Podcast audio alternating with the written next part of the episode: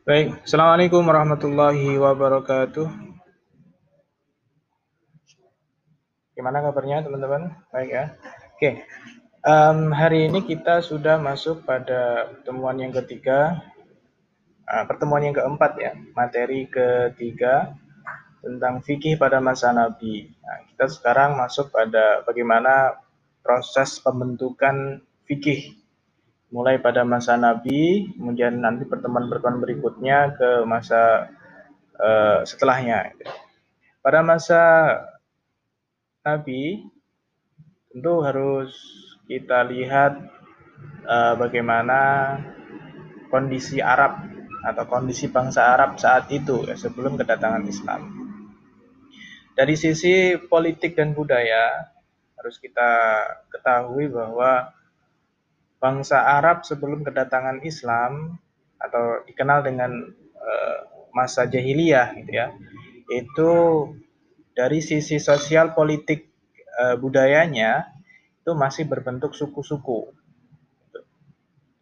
Dan mereka uh, belum ada hukum yang mengatur secara baik hanya menggunakan hukum rimba. Jadi siapa yang kuat itu menang yang lemah ya kalah Kemudian terjadi perbudakan, ada banyak eh, yang lemah jadi budak gitu ya, yang kuat jadi pemilik budak dan sebagainya. Kemudian eh, otoritatif dan sentralistik terhadap kepala suku. Jadi kepala suku ini menjadi pusat yang dihormati oleh orang-orang eh, sukunya. Kemudian masih nomadik. Nomadik itu berpindah-pindah dan perang sebagai mata pencaharian. Jadi mereka menganggap bahwa perang itu jadi pekerjaan. Jadi bukan bukan kok tuntutan tapi ya memang pekerjaannya untuk perang itu. Karena kalau perang mereka menang dapat harta rampasan. Dan suka dengan syair. Ini dari segi seninya ya dan bahasa Arab ini jadi bahasa yang tertua. Jadi sebelum uh, Islam datang pun bahasa Arab sudah sudah menjadi bahasa yang digunakan sehari-hari oleh mereka. Oke. Okay.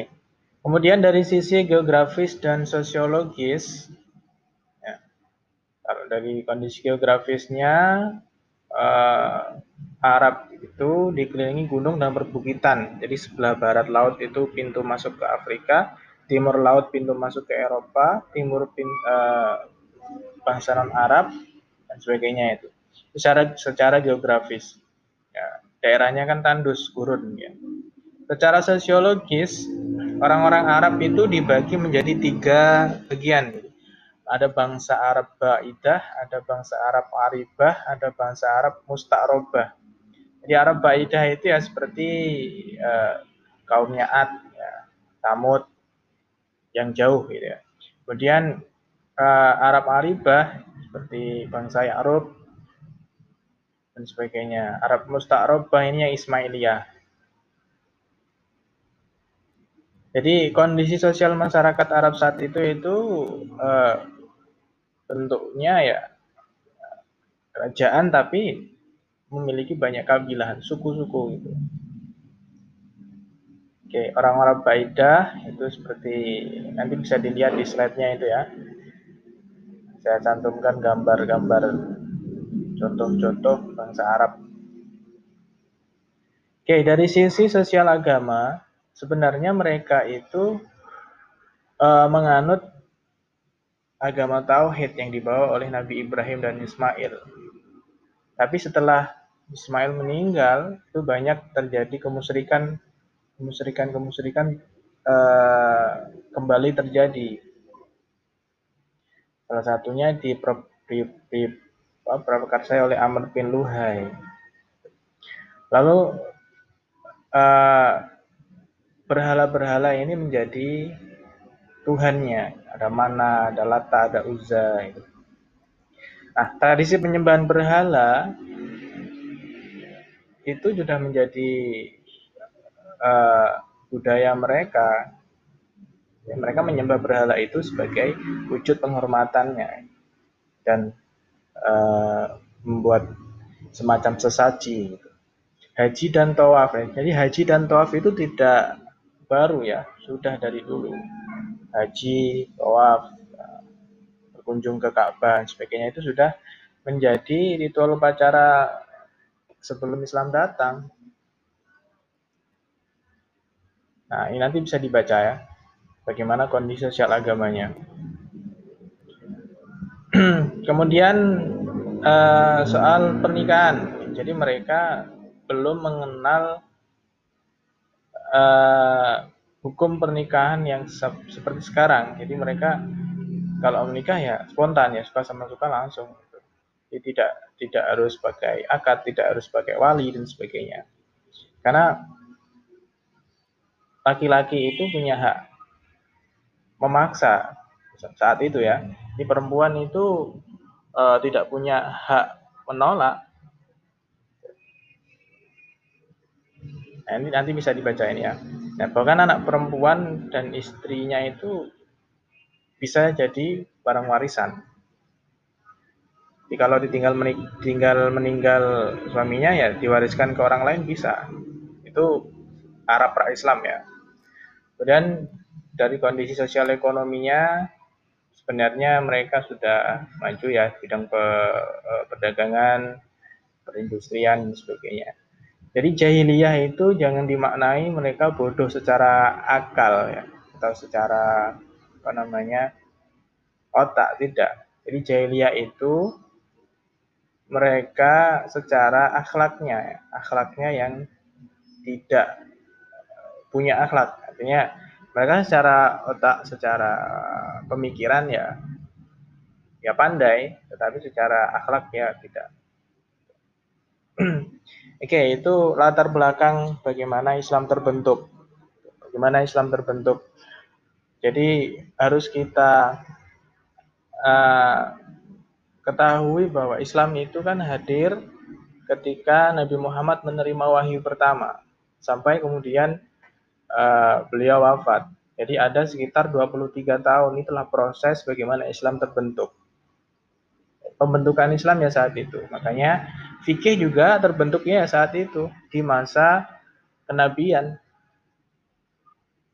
Kemudian dibagi menjadi dua. Sejarawan membagi ada periode Mekah, kemudian ada periode Madinah. Di periode Mekah itu kira-kira 13 tahun, kemudian di Madinah kira-kira 10 tahun. Nah, bagaimana kondisi fikih saat itu? Jadi fikih masih dalam tahap pembentukan ya. Jadi ketika ada masalah-masalah yang ada, itu semua ditanyakan kepada Nabi. Jadi Nabi uh, mendapatkan curhatan-curhatan ataupun masalah masalah-masalah yang ada di uh, saat itu. Kemudian ketika menerima itu, menerima pertanyaan itu, Nabi akan menjawab berdasarkan Quran maupun hadis. Dan Quran itu juga tidak turun langsung begitu ya, tapi ada latar belakangnya, ada sebabun nuzulnya. Nah, sehingga Islam tidak lahir di ruang hampa, tapi ada latar belakang bagaimana Islam itu atau Quran itu turun. Nah, di periode Mekah ini lebih kepada akidah dan akhlak. Jadi periode Mekah belum ada aturan-aturan untuk beribadah sholat dan sebagainya belum masih dalam tataran akidah dulu. Jadi di periode Mekah ini bisa dikatakan dengan revolusi akidah dan akhlak. Jadi kalau yang tadi kan Arab pra-Islam, gimana kondisinya tadi itu ingin dirubah oleh Nabi dengan mengedepankan akidah dulu dan akhlaknya. Nabi kan diutus untuk innama bu itu liutamima makarimal akhlak. Gitu. Akhlaknya yang, yang yang paling penting itu. Jadi di periode Mekah atau Makiyah itu ayat-ayat Al-Quran yang turun kan banyak tentang tauhid dan keimanan dan juga akhlak. Oke, kemudian di periode Madinah inilah baru uh, muncul uh, apa namanya hukum-hukum ayat-ayat yang turun itu banyak kan tentang hukum-hukum yang mengatur bagaimana beribadah, bagaimana bermu bermuamalah dan sebagainya. Oke, saya kira cukup untuk penjelasan tentang fikih pada masa Nabi. Nanti bisa dibaca di banyak referensi ya, ya sebagai acuan. Oke, saya kira cukup. Saya akhiri. Assalamualaikum warahmatullahi wabarakatuh.